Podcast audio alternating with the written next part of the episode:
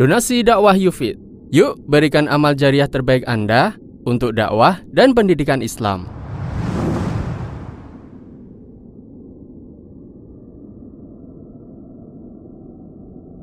Bismillahirrahmanirrahim. Assalamualaikum warahmatullahi wabarakatuh. Alhamdulillahi Wabihi alamin. Wa bihi nasta'inu ala umri dunya wa din.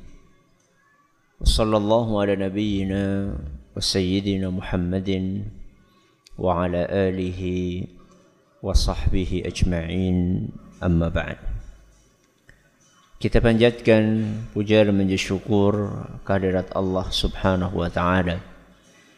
Pada kesempatan malam yang berbahagia kali ini tanggal 9 Rajab 1440 Hijriah atau yang bertepatan dengan tanggal 15 Maret 2019 kita masih kembali diberi kekuatan, kesehatan, hidayah serta taufik dari Allah Jalla wa ala sehingga kita bisa kembali menghadiri pengajian rutin untuk membahas adab dan akhlak di dalam Islam di Masjid Jenderal Besar Sudirman di kota Purwokerto ini.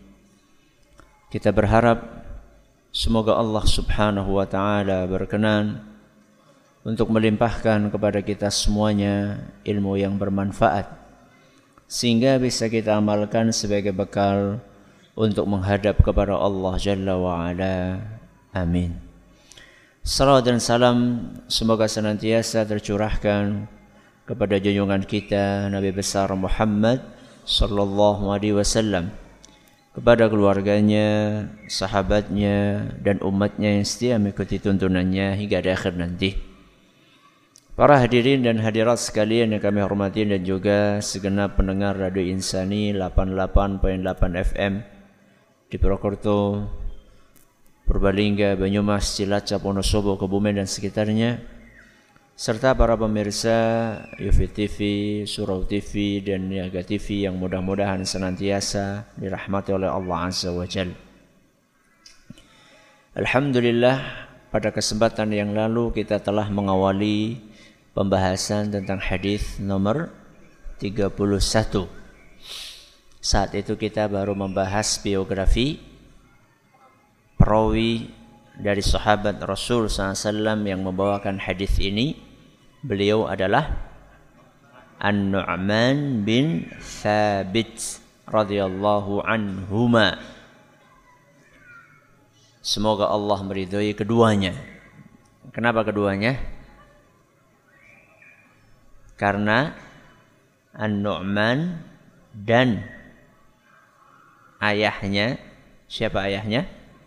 Thabit kedua-dua eh An-Nu'man bin Bashir maaf An-Nu'man bin Bashir maaf. Karena An-Nu'man dan ayahnya siapa? Bashir kedua-duanya adalah sahabat Rasul sallallahu alaihi wasallam. Maka mulai malam hari ini kita akan mengupas kandungan yang ada dalam hadis ini. Dan ini karena redaksinya panjang, maka kita akan bagi dalam beberapa pertemuan. Kita lihat saja nanti berapa selesainya. Yang penting kita kaji sedikit demi sedikit. Kita akan bacakan redaksinya dari awal sampai akhir. Anin Nu'man ibni Bashirin radhiyallahu anhu maqala dari sahabat Rasul SAW namanya siapa? An-Nu'man bin Bashir. Semoga Allah meridhoi keduanya. Yang merasa membawa anak dan sulit untuk menenangkannya silahkan bisa turun ke basement. Ya, betul. Ya, auditorium. Ya, bagi yang merasa membawa anak dan kesulitan untuk menenangkannya, silakan bisa turun ke auditorium. Ya, betul ya. Di bawah. Ya, silahkan. Sehingga jemaah yang lain bisa lebih khusyuk untuk menyimak pengajian. Bukan khusyuk untuk ya. Dari sahabat Rasul SAW namanya siapa? An-Nu'man bin Bashir. Semoga Allah meridhoi keduanya. Beliau berkata, Sami'tu Rasulullah sallallahu alaihi wasallam yaqul wa ahwa an-nu'manu bi isba'aihi ila udhunaihi. An-Nu'man berkata sambil menunjukkan kedua jarinya ke telinga beliau.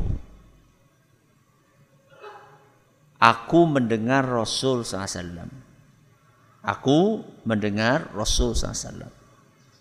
Fungsi beliau menunjukkan kedua jarinya ke telinganya ingin memberikan penekanan dan penegasan bahwa beliau benar-benar dengar langsung.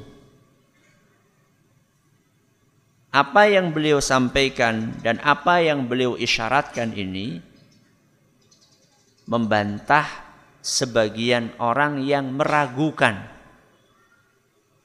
Apakah Nu'man ini dengar langsung dari Nabi atau tidak. Karena saat Rasul SAW wafat usia Nu'man berapa? 8 atau 9 tahun. Dan belum balik baru tamyiz. Baru tamyiz mumayyiz. Baru bisa membedakan mana yang baik mana yang tidak baik belum sampai balik ya. maka dari hadis ini pula para ulama menyimpulkan bahwa seorang anak yang sudah tamyiz maka ilmu yang dia sampaikan sudah bisa dipertanggungjawabkan Buktinya An-Nu'man bin Bashir di usia dini 8 atau bawah dari 8 tahun hadisnya sudah bisa diterima. Karena beliau sudah tamyiz, sudah mumay mumayyiz, sudah bisa membedakan mana yang baik, mana yang buruk. Kata beliau, aku mendengar Rasul SAW bersabda, Innal halala bayyinun. Sesungguhnya yang halal itu jelas. Wa innal harama bayyinun. Dan yang haram juga jelas. Wa bainahuma mushtabihat. Dan antara yang halal dan haram ini ada sesuatu yang belum jelas masih samar-samar. La ya'lamuhunna katsirum minan nas. Kebanyakan orang tidak tahu tentang yang samar-samar ini sebenarnya halal apa haram. Kita akan kaji sampai di sini. Tapi sebelumnya saya akan bacakan sampai akhir. Jadi nanti kita yang akan kita bahas malam ini cuma sampai itu tadi. Banyak orang tidak tahu yang di pertengahan ini halal apa haram karena samar-samarnya. Nabi SAW melanjutkan, "Faman ittaqas syubuhati faqad istabra'a lidinihi wa irdihi." Barang siapa yang menghindari sesuatu yang belum jelas tadi, maka berarti dia telah menjaga kehormatan dan agamanya. Wa man waqa'a fis syubuhati waqa'a fil haram. Barang siapa yang terperosok kepada sesuatu yang samar-samar tadi, maka dia telah terperosok kepada sesuatu yang haram. Karra'i yar'a haulal hima yushiku an yaqa'a Seperti seorang penggembala yang, yang menggembalakan hewan ternaknya dekat dengan tanah larangan. Yushiku an yaqa'a tidak lama kemudian hewan ternaknya akan masuk ke dalam tanah larangan tersebut. Wa inna likulli malikin hima. Ketahuilah bahwa setiap raja itu biasanya punya tanah larangan. Ala wa inna himallahi maharimuh. Ingatlah bahwa yang dilarang oleh Allah adalah hal-hal yang diharamkan olehnya. Ala wa inna fil jasadi mudghah. Ketahuilah bahwa di dalam tubuh kita itu ada segumpal daging. Idza salahat salahal jasadu kulluh. Seandainya segumpal daging ini baik, maka seluruh anggota tubuh ini akan baik. Wa idza fasadat fasadal jasadu kulluh.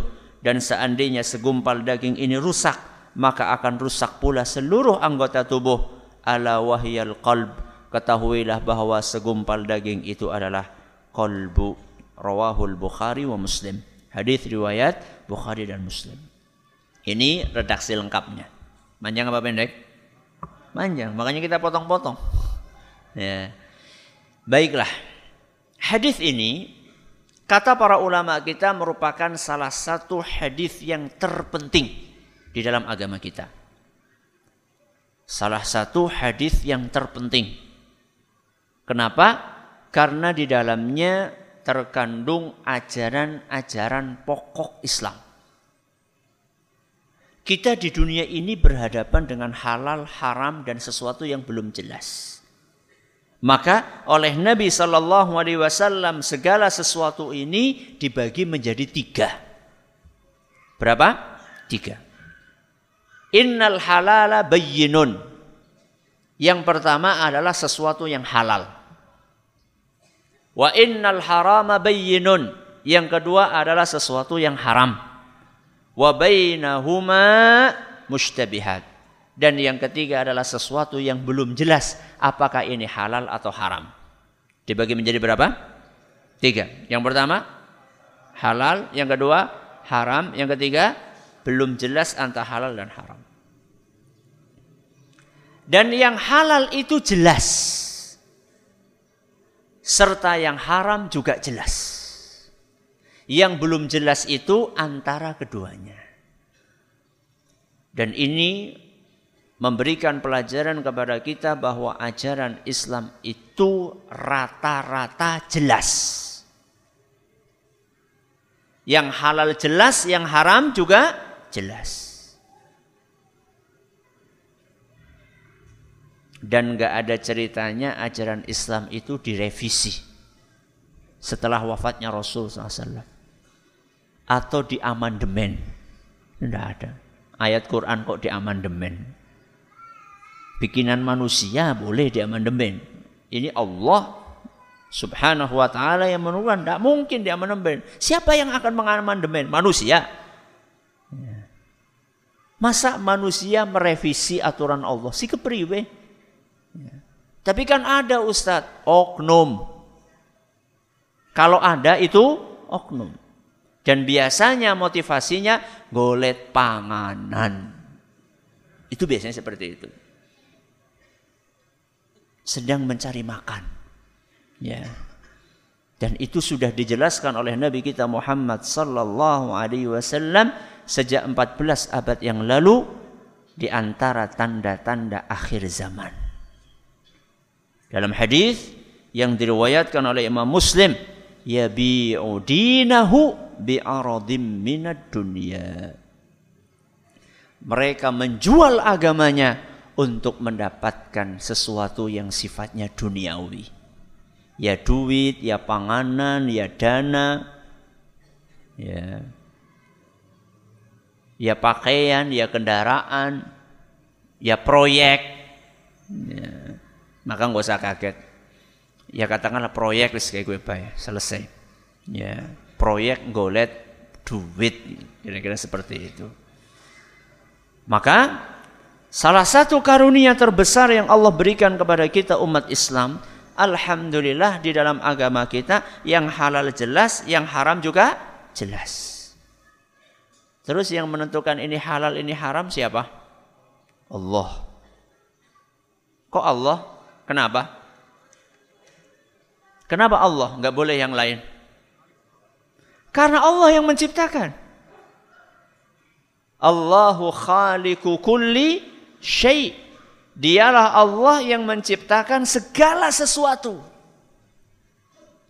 Karena Allah yang menciptakan segala sesuatu, maka yang berhak untuk menentukan ini halal ya Dia, Allah Subhanahu wa taala.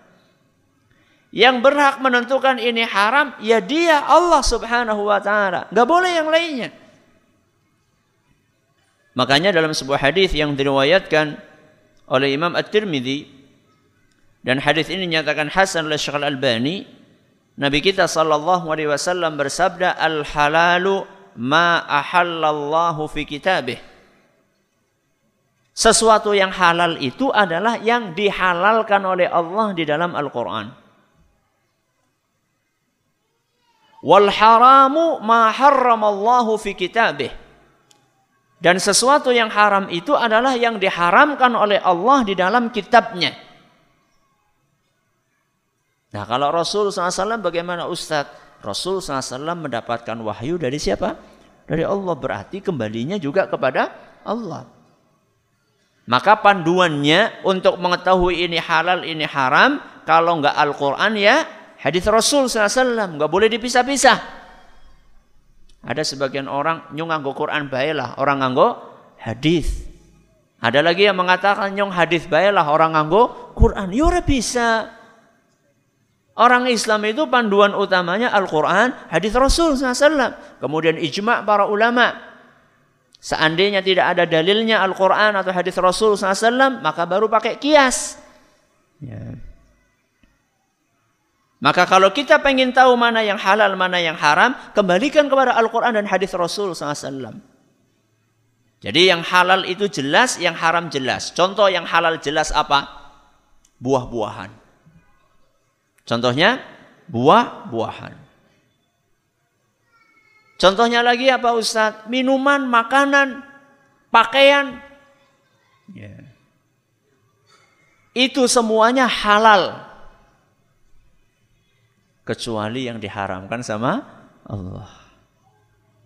Nanti kita akan jelaskan antara yang halal sama yang haram itu lebih banyak yang lebih banyak yang apa? Oh ya halal. Lebih banyak yang halal. Yang halal jelas, contohnya makanan, minuman, pakaian. Yang haram juga jelas. Contohnya minuman keras, daging babi, daging anjing, ya, sutra bagi kaum laki-laki, emas bagi kaum laki-laki. Yang halal jelas, yang haram jelas. Nah, sekarang kita akan melakukan perbandingan antara yang halal sama yang haram. Itu lebih banyak yang mana? Yang halal. Dalilnya apa? Dalilnya adalah firman Allah Subhanahu wa taala dalam surat Al-Baqarah ayat 29. Surat apa? Al-Baqarah ayat 29. Allah Subhanahu wa taala berfirman, "Huwallazi khalaqa lakum ma fil ardi jami'a." Dialah Allah yang menciptakan untuk kalian semua apa yang ada di muka bumi. Dialah Allah yang menciptakan untuk kalian. Berarti Allah menciptakan dunia seisinya ini untuk siapa? Untuk kita. Segala apa yang ada di muka bumi ini semuanya halal aslinya. As aslinya. Kecuali kalau diharamkan sama Allah. Jadi boleh ngaji sing rampung. Engkau anak Ustaz ki anjing mok ciptaan Allah. Allah ciptakan buat kita Ustaz. Kecuali yang diharamkan sama Allah. Dan antara yang dihalalkan sama yang diharamkan lebih banyak yang dihalalkan. Contoh sing paling gampang wedang. Sebutkan wedang yang halal sama wedang yang haram. Lebih banyak yang halal. Sing halal contohnya wedang teh, wedang kopi, wedang jahe, wedang jeruk, wedang, ronde. Ya. Itu yang anget-anget, ya. Oh belum, belum selesai. Kunir asem, beras kencur, temulawak, ya. banyak. Itu yang halal. Yang haram, eh yang halal dulu, jus yang dingin-dingin. Jus apa jenenge? Jus jambu, jus melon, jus wis kabehan lah. Ya. Apa yang merah itu? Nah, jus buah naga. Nah, dari pengajian malah ini kita lagi menjelaskan mana yang halal, mana yang haram. Coba sebaliknya sekarang yang haram apa?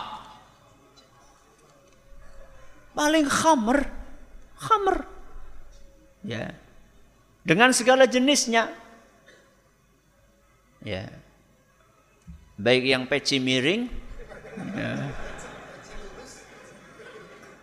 maupun yang wetang ciu atau apa saja pokoknya semuanya yang namanya khamer haram.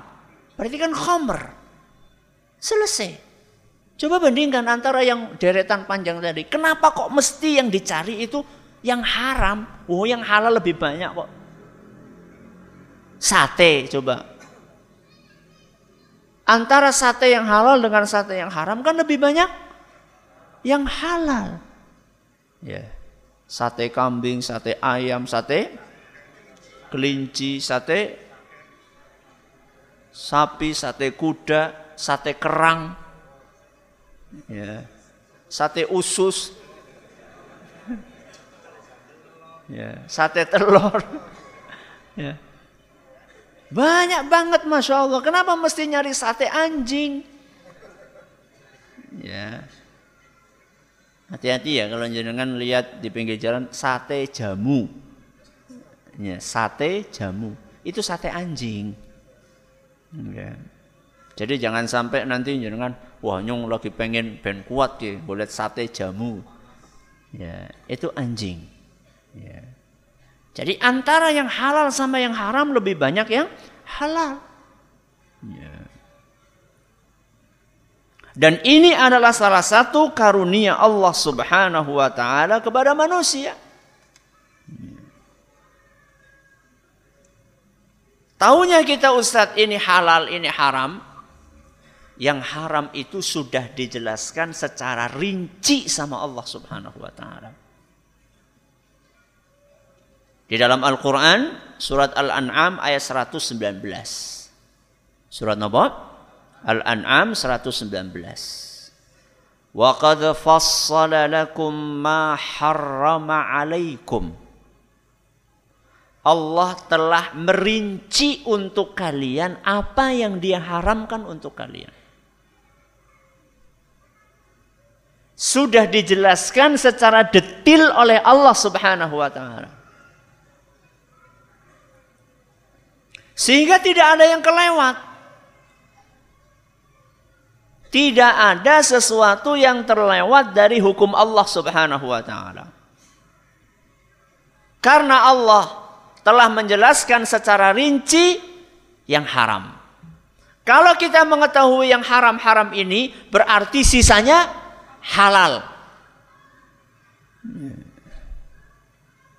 Maka hati-hati jangan sampai kita mengharamkan apa yang dihalalkan sama Allah.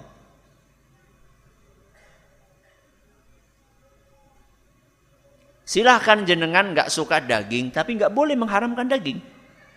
Ya. Jenengan pengen jadi vegan, ya. yang selalu makan sayur, sayur-sayur silahkan.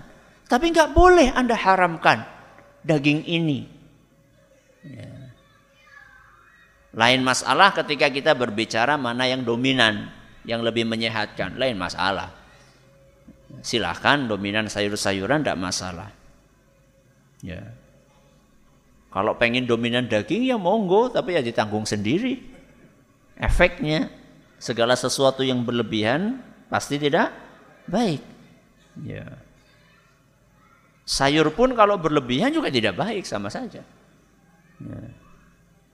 Apalagi yang sudah punya riwayat penyakit wis tahu asam wis ngerti asam urat jangan nih jangan nih kangkung boy.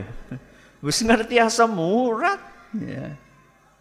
Berarti kan bukan masalah ini kangkungnya jadi haram, enggak. Karena kita punya sesuatu yang bermasalah di tubuh kita. Ya. Kangkung aslinya haram, nggak usah cari dalilnya. Ustaz hadisnya di nek kangkung haram eh, halal. Nggak usah, aslinya halal, nggak perlu dalil. Dalilnya tadi surat Al-Baqarah ayat berapa tadi? Berapa? 29 itu dalilnya. Jadi jangan nanti ada orang datang, Ustaz, enduk dalilnya apa halal? Tadi Al-Baqarah. Makanya Al-Baqarah 29 ini adalah dalil untuk halalnya seluruh apa yang ada di muka bumi kecuali yang diharamkan oleh Allah. Makanya kaidah fikihnya apa? Al-aslu fil asya'i al-ibahah. Al-aslu fil asya'i al-ibahah. Hukum asal segala sesuatu itu boleh atau halal kecuali seandainya ada dalil yang mengharamkannya.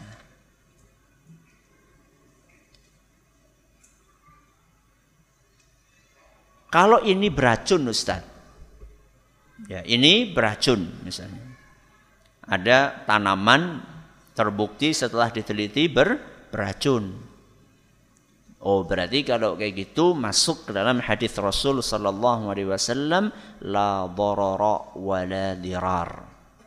Tidak boleh membahayakan diri sendiri dan tidak boleh membahayakan orang lain. Hadis riwayat Al-Hakim dan beliau menyatakan isnadnya sahih. Tidak boleh membahayakan sudah, ini racun berarti membahayakan. Ya. Maka ada orang minum baygon ya nggak boleh. Ya. Kenapa? Karena memba membahayakan. Dalilnya apa haram? Ya ini hadis tadi. Segala sesuatu yang membahayakan dan bahayanya dominan. Bahayanya apa? Dominan. Maka haram. Jadi ada kata-kata bahayanya do dominan. Kalau ada sedikit unsur bahayanya, belum sampai taraf haram. Yeah. Contoh misalnya, ada sebagian orang mengatakan, saat kalau kita makan daging ayam, itu lama-lama bisa menaikkan kolesterol misalnya. Atau kalau misalnya kita makan ayam goreng, makan ayam goreng, itu bisa menaikkan kolesterol Ustaz dan kolesterol itu bahaya. Bukankah tadi Rasul SAW mengatakan tidak boleh membahayakan diri sendiri dan orang lain. Sekarang kita tanyakan, apakah bahayanya dominan atau tidak? Karena segala sesuatu rata-rata ada manfaatnya, ada bahayanya. Mana yang dominan? Kalau yang dominan manfaatnya, maka dikembalikan kepada hukum aslinya yaitu halal. Kalau yang dominan bahayanya baru kita katakan itu ha, haram. Contoh sesuatu yang lebih lebih dominan bahayanya dibandingkan manfaatnya. Apa? Minuman keras. Minuman keras. Ya. Apakah minuman keras ada manfaatnya? Ada. Ya. Allah Subhanahu wa taala menyebutkan itu. Ya. Cuman manfaatnya lebih banyak, eh, cuman bahayanya lebih banyak dibandingkan manfaatnya. Wa ismuhuma akbaru min naf'ihima. Bahayanya lebih besar dibandingkan manfaatnya. Sekarang boleh orang mengatakan loh, Ustaz kalau saya minum uh, minuman keras ini Ustaz, saya jadi lebih semangat Ustadz untuk apa? Untuk bekerja. Saya ini jadi lebih anget Ustadz tubuh saya. Itu manfaat atau bukan? Manfaat. Akan tetapi antara manfaat sama bahayanya lebih dominan bahayanya. Anget itu adalah manfaat sesaat. Setelah itu ketagihan, otaknya rusak, jeroannya rusak. Jeroan itu organ dalamnya juga rusak. Makanya pernah ada seorang dokter melakukan penelitian tentang organ dalam masyarakat warga barat yang kesehariannya minumnya adalah minuman keras dengan warga muslim yang tidak minum minuman keras maka ditemukan bahwa ususnya itu kelihatan sekali jauh lebih sehat usus muslim dibandingkan apa? non muslim yang hariannya itu minum minuman keras. Ya. Walaupun ada efek positifnya tapi negatifnya lebih besar, makanya haram. Ya. Ini yang halal jelas, yang haram juga jelas. Wa bainahuma antara yang halal dengan yang haram ini ada sesuatu yang belum jelas. La ya'lamuhunna kathirum minan nas. Kebanyakan orang atau banyak orang tidak tahu. Tidak tahu sebenarnya ini halal atau haram. Berarti Jenis yang ketiga ini sebenarnya bisa halal, bisa haram.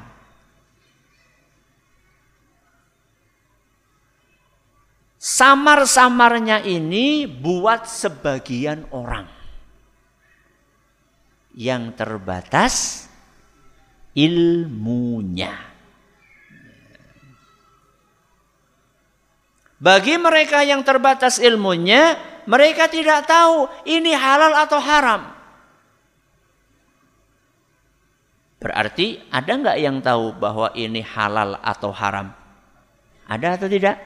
Ada. Banyak atau sedikit?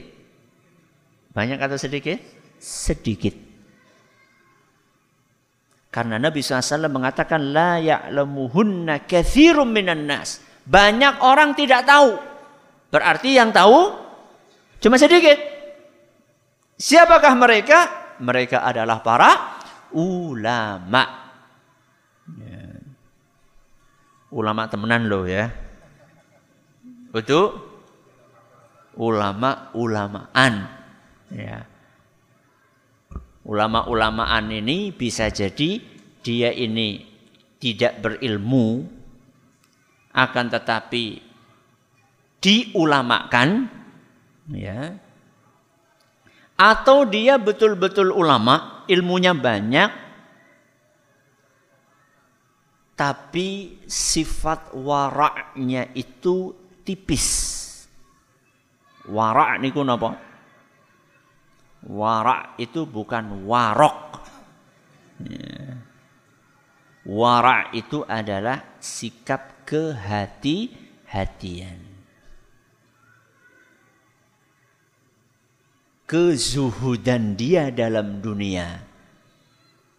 Jadi ada saja orang yang ilmunya mumpuni tapi karena sudah ketemu dengan proyek tadi akhirnya ilmunya luntur. Ya. Dikisahkan ada seorang syekh. Hmm, ada seorang apa? Syekh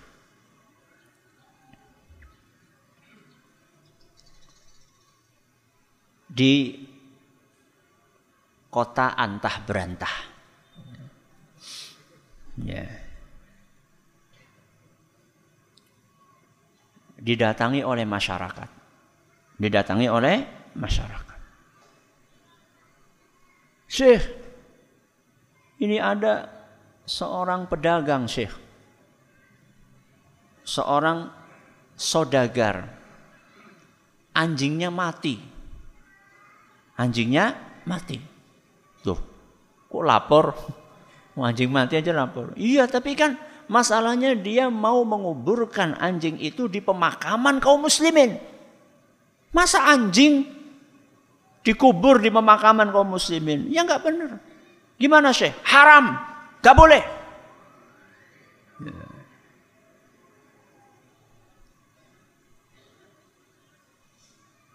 Tapi dia ngotot.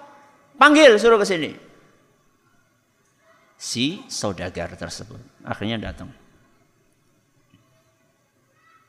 Syekh. Ini orangnya. Ya. Kamu kenapa? Kok pengen nguburkan anjingmu itu di pemakaman kaum muslimin? Ya, sebelum meninggal anjing ini berwasiat seperti itu. Sebelum meninggal, sebelum mati, anjing ini berwasiat seperti itu. Berwasiat supaya dikuburkan di pemakaman kaum muslimin. Ngarang. Mana ada anjing berwasiat. Gak boleh, haram. Tapi Syekh, tapi apa? Anjing ini juga berwasiat. Supaya saya ngasih jenengan 100 juta.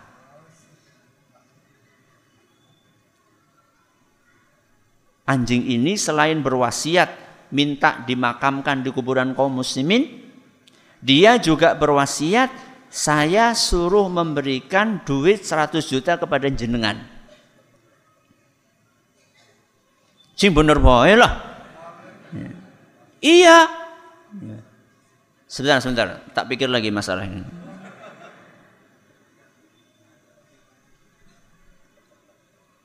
Oh iya, enggak apa-apa. Boleh, boleh, boleh. Boleh. Loh, Masyarakat kan mau haram sih oleh. Kenapa bisa berubah hukumnya, Syekh? Setelah saya pikirkan matang-matang, saya merenung. Ternyata anjing itu adalah keturunannya anjingnya Ashabul Kahfi. Tahu Ashabul Kahfi? Orang yang terjebak di mana? Eh, orang yang mengungsi di gua tidur sekian ratus tahun bersama dengan mereka ada anjing yang menjaga di pintu gua. Ini keturunannya ashab anjingnya ashabul kahfi.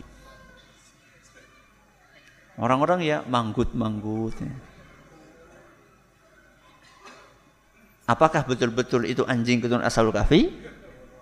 Wallah, itu cuma akal-akalan karena apa tadi? Ada 100 juta. Ini menjelaskan kepada kita bahwa memilih ulama itu tidak mudah. Mencari rujukan, mencari panutan itu tidak mudah. Apalagi di zaman banyaknya orang pragmatis di zaman ini. Kita hidup di zaman banyak manusia-manusia pragmatis yang mudah sekali untuk mengubah fatwanya hanya karena kepentingan-kepentingan duniawi, kepentingan-kepentingan politik sesaat. Ya. Dan ini sudah diwanti-wanti oleh Nabi kita Muhammad sallallahu alaihi wasallam. Dan itu juga merupakan salah satu tanda akhir zaman. Inna Allah la yaqbidul ilman tiza'an yantazi'uhu min qulubil ibad. Di akhir zaman ini Allah Subhanahu wa taala akan mencabut ilmu dari muka bumi. Tapi proses pencabutan ilmu itu bukan kok kemudian kitab Sahih Bukhari munggah, Sahih Muslim munggah, Quran mabur, bukan. Walakin yantazi'ul ilma biqabdil ulama. Akan tetapi ilmu itu dicabut dari muka bumi dengan wafatnya para ulama ulama yang konsisten untuk menyuarakan kebenaran. Ketika ulama-ulama yang konsisten itu sudah wafat semuanya, hatta ila hatta ila lam yubqi aliman. Ketika ulama yang konsisten tadi sudah wafat semuanya ittakhadhan nasuru usan juhala. Maka orang akan menjadikan manusia-manusia yang jahil sebagai panutan apa yang terjadi? Ketika orang-orang yang minim pengetahuan itu dijadikan panutan kita lanjutkan insyaallah setelah adzan. Alhamdulillah Rabbil Alamin Wassalatu wassalamu ala nabiyina Muhammadin Wa ala alihi wa sahbihi ajma'in Nama ba'd. Ketika ulama sudah tidak ada lagi Ulama yang konsisten Menyuarakan kebenaran Sudah habis Manusia Butuh panutan Aslinya manusia itu membutuhkan panutan dan saat ada ulama, panutannya adalah ulama. Ketika panutan dari kalangan para ulama sudah habis, maka mereka mencari panutan seadanya. Dan ternyata yang mereka jadikan panutan adalah ru'usan juhala. Orang-orang yang minim pengetahuan agamanya. Dan panutan itu menjadi rujukan. Fasu'ilu fa'aftau bighairi ilmin. Mereka pun ditanya oleh pengikutnya. Lalu mereka menjawab dan berfatwa bighairi ilmin tanpa ilmu fadallu wa adallu akhirnya mereka pun sesat dan menyesatkan Itulah yang terjadi. Maka waspadalah, berhati-hatilah dan selektiflah dalam belajar, ngaji, berguru. Pilihlah ulama-ulama yang memang memiliki kompetensi, memiliki keahlian betul dan juga sudah dikenali kewaroannya, kehati-hatiannya serta kezuhudannya wallahu a'lamu bissawab. Sebelum kita baca beberapa pertanyaan sekedar mengingatkan ini adalah pekan ketiga seperti biasanya besok subuh Sabtu pekan ketiga adalah kajian pendek dengan tema fikih Asmaul Husna di Masjid Agung Baitus Salam Purwokerto ba'da subuh. Kemudian malam Ahad pekan ketiga pengajian Tazkiyatun Nafs di Masjid 17 di Masjid 17 ba'da maghrib sampai Isya. Ustaz, ketika kita mengadakan acara dan ketika selesai acara ada sisa uang. Apakah sisa uang tersebut boleh diambil untuk kepentingan umum atau tidak dan apa hukumnya? Acara apa?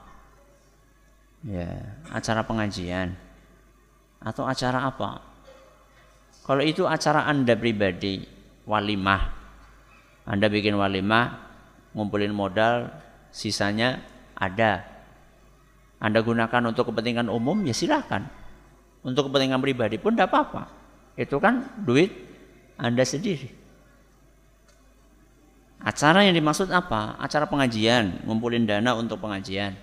Kalau seandainya akad Anda saat mengumpulkan dana itu adalah untuk pengajian, maka sebaiknya seandainya ada sisa pun juga digunakan untuk acara yang sama, yaitu untuk pengajian. Ya. Tidak boleh untuk kepentingan pribadi. Ya. Dan untuk kepentingan umum yang lainnya dihindari kecuali kalau Anda bisa izin sama donaturnya.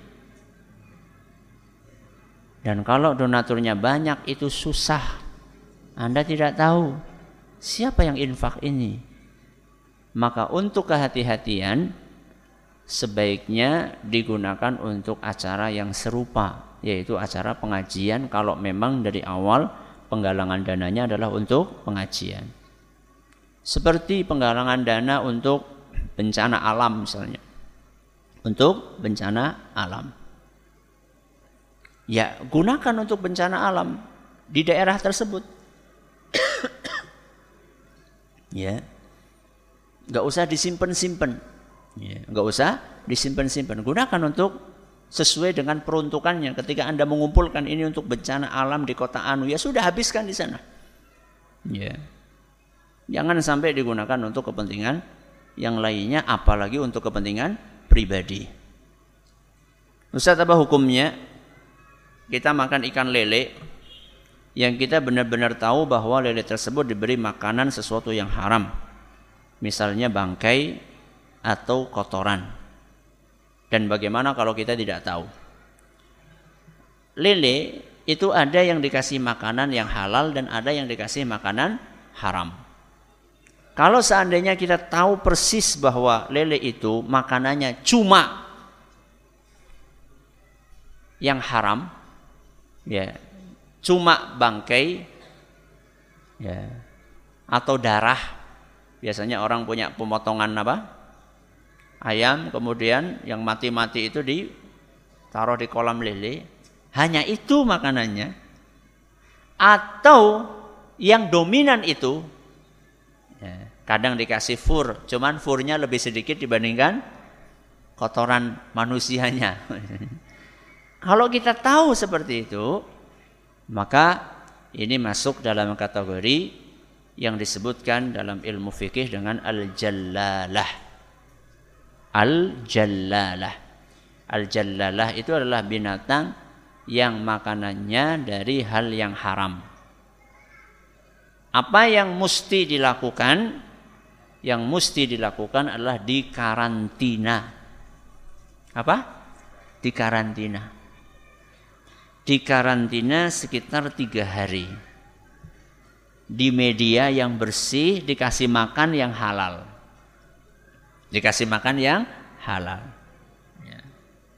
Selama tiga hari diharapkan dari karantina tersebut yang kotor-kotor itu mudah-mudahan berkurang atau syukur-syukur bersih. Kalau tidak, saya khawatir ketika jenengan makan lele goreng, rasanya bukan lele. Ya. Ustaz kalau kita sudah ngaji, sudah tahu mana yang halal, mana yang haram, mana yang abu-abu, tapi masih menerobos juga yang haram, padahal sudah tahu. Apakah dosanya lebih besar? Contohnya sudah tahu riba tapi masih suka menikmati riba. Ya, dosanya lebih besar. Orang yang sudah tahu hukum sesuatu itu haram, dia tetap menerabas saja, dosanya lebih besar dibandingkan orang yang belum tahu. Wa alimun bi'ilmihi lam ya'malan mu'adzabun qabla ubadil wathan. Kata para ulama orang yang berilmu dan dia tidak mengamalkan ilmunya nanti di akhirat dia bisa disiksa lebih dahulu sebelum penyembah berhala na'udzubillahi min dzalik ya kepenak sih orang ngerti Ustaz berarti mendingan orang ngerti baik kalau Anda mampu untuk mencari, tapi Anda tidak mau mencari, Anda mampu untuk belajar, tapi Anda tidak belajar. Anda punya potensi untuk ngaji, tapi Anda tidak mau untuk ngaji, maka dosanya double. Dosa yang pertama, dosa nggak mau belajar. Dan belajar ilmu agama dalam syariat kita hukumnya wajib. Talabul ilmi faridhatun ala kulli muslim. Menuntut ilmu agama itu hukumnya wajib bagi setiap muslim, bagi setiap orang Islam, laki-laki maupun perempuan. Yang pertama dosa nggak mau belajar. Yang kedua dosa tidak mengamalkan syariat Islam. Terus kepriwe Ustaz milih sing endi? Milih sing sinau dan mengamalkan. Cuman memang mengamalkan ilmu butuh proses. butuh proses. Secara bertahap kita dapat ilmu diamalkan, ilmu diamalkan. Kita ngaji malam hari ini dan malam-malam sebelumnya serta seterusnya. Itu bukan hanya untuk sekedar menghabiskan buku tulis yang kita miliki. Bukan hanya sekedar untuk memperbanyak rekaman-rekaman di HP kita. Bukan hanya sekedar untuk e, menambah wawasan di kepala kita, bukan. Ini cuma sarana untuk mencapai sebuah tujuan yaitu amal. Makanya Ali bin Abi Thalib beliau berkata, "Hatafal ilmu bil amal." Ilmu itu memanggil-manggil amal. Ilmu itu memanggil-manggil amal. Fa in ajaba wa illar tahal. Seandainya amal itu memenuhi panggilan ilmu, maka ilmu tersebut akan awet, nggak gampang lupa. Maka siapa pun yang mengeluhkan ilmunya gampang lupa, salah satu faktor penyebabnya adalah karena ilmu itu tidak diamalkan. Betapa banyak doa yang sudah pernah kita hafalkan, kita lupa karena nggak pernah dibaca. Ya. Mudah-mudahan Allah berikan ilham kepada kita untuk bisa mengamalkan ilmu yang sudah kita ketahui. Wallahu taala a'la wa alam. Terima kasih atas perhatiannya. Mohon atas segala kurangnya kita tutup dengan membaca doa kafaratul majlis. Subhanakallahumma wa bihamdika asyhadu an la ilaha illa anta astaghfiruka wa atubu ilaik. Assalamualaikum warahmatullahi wabarakatuh.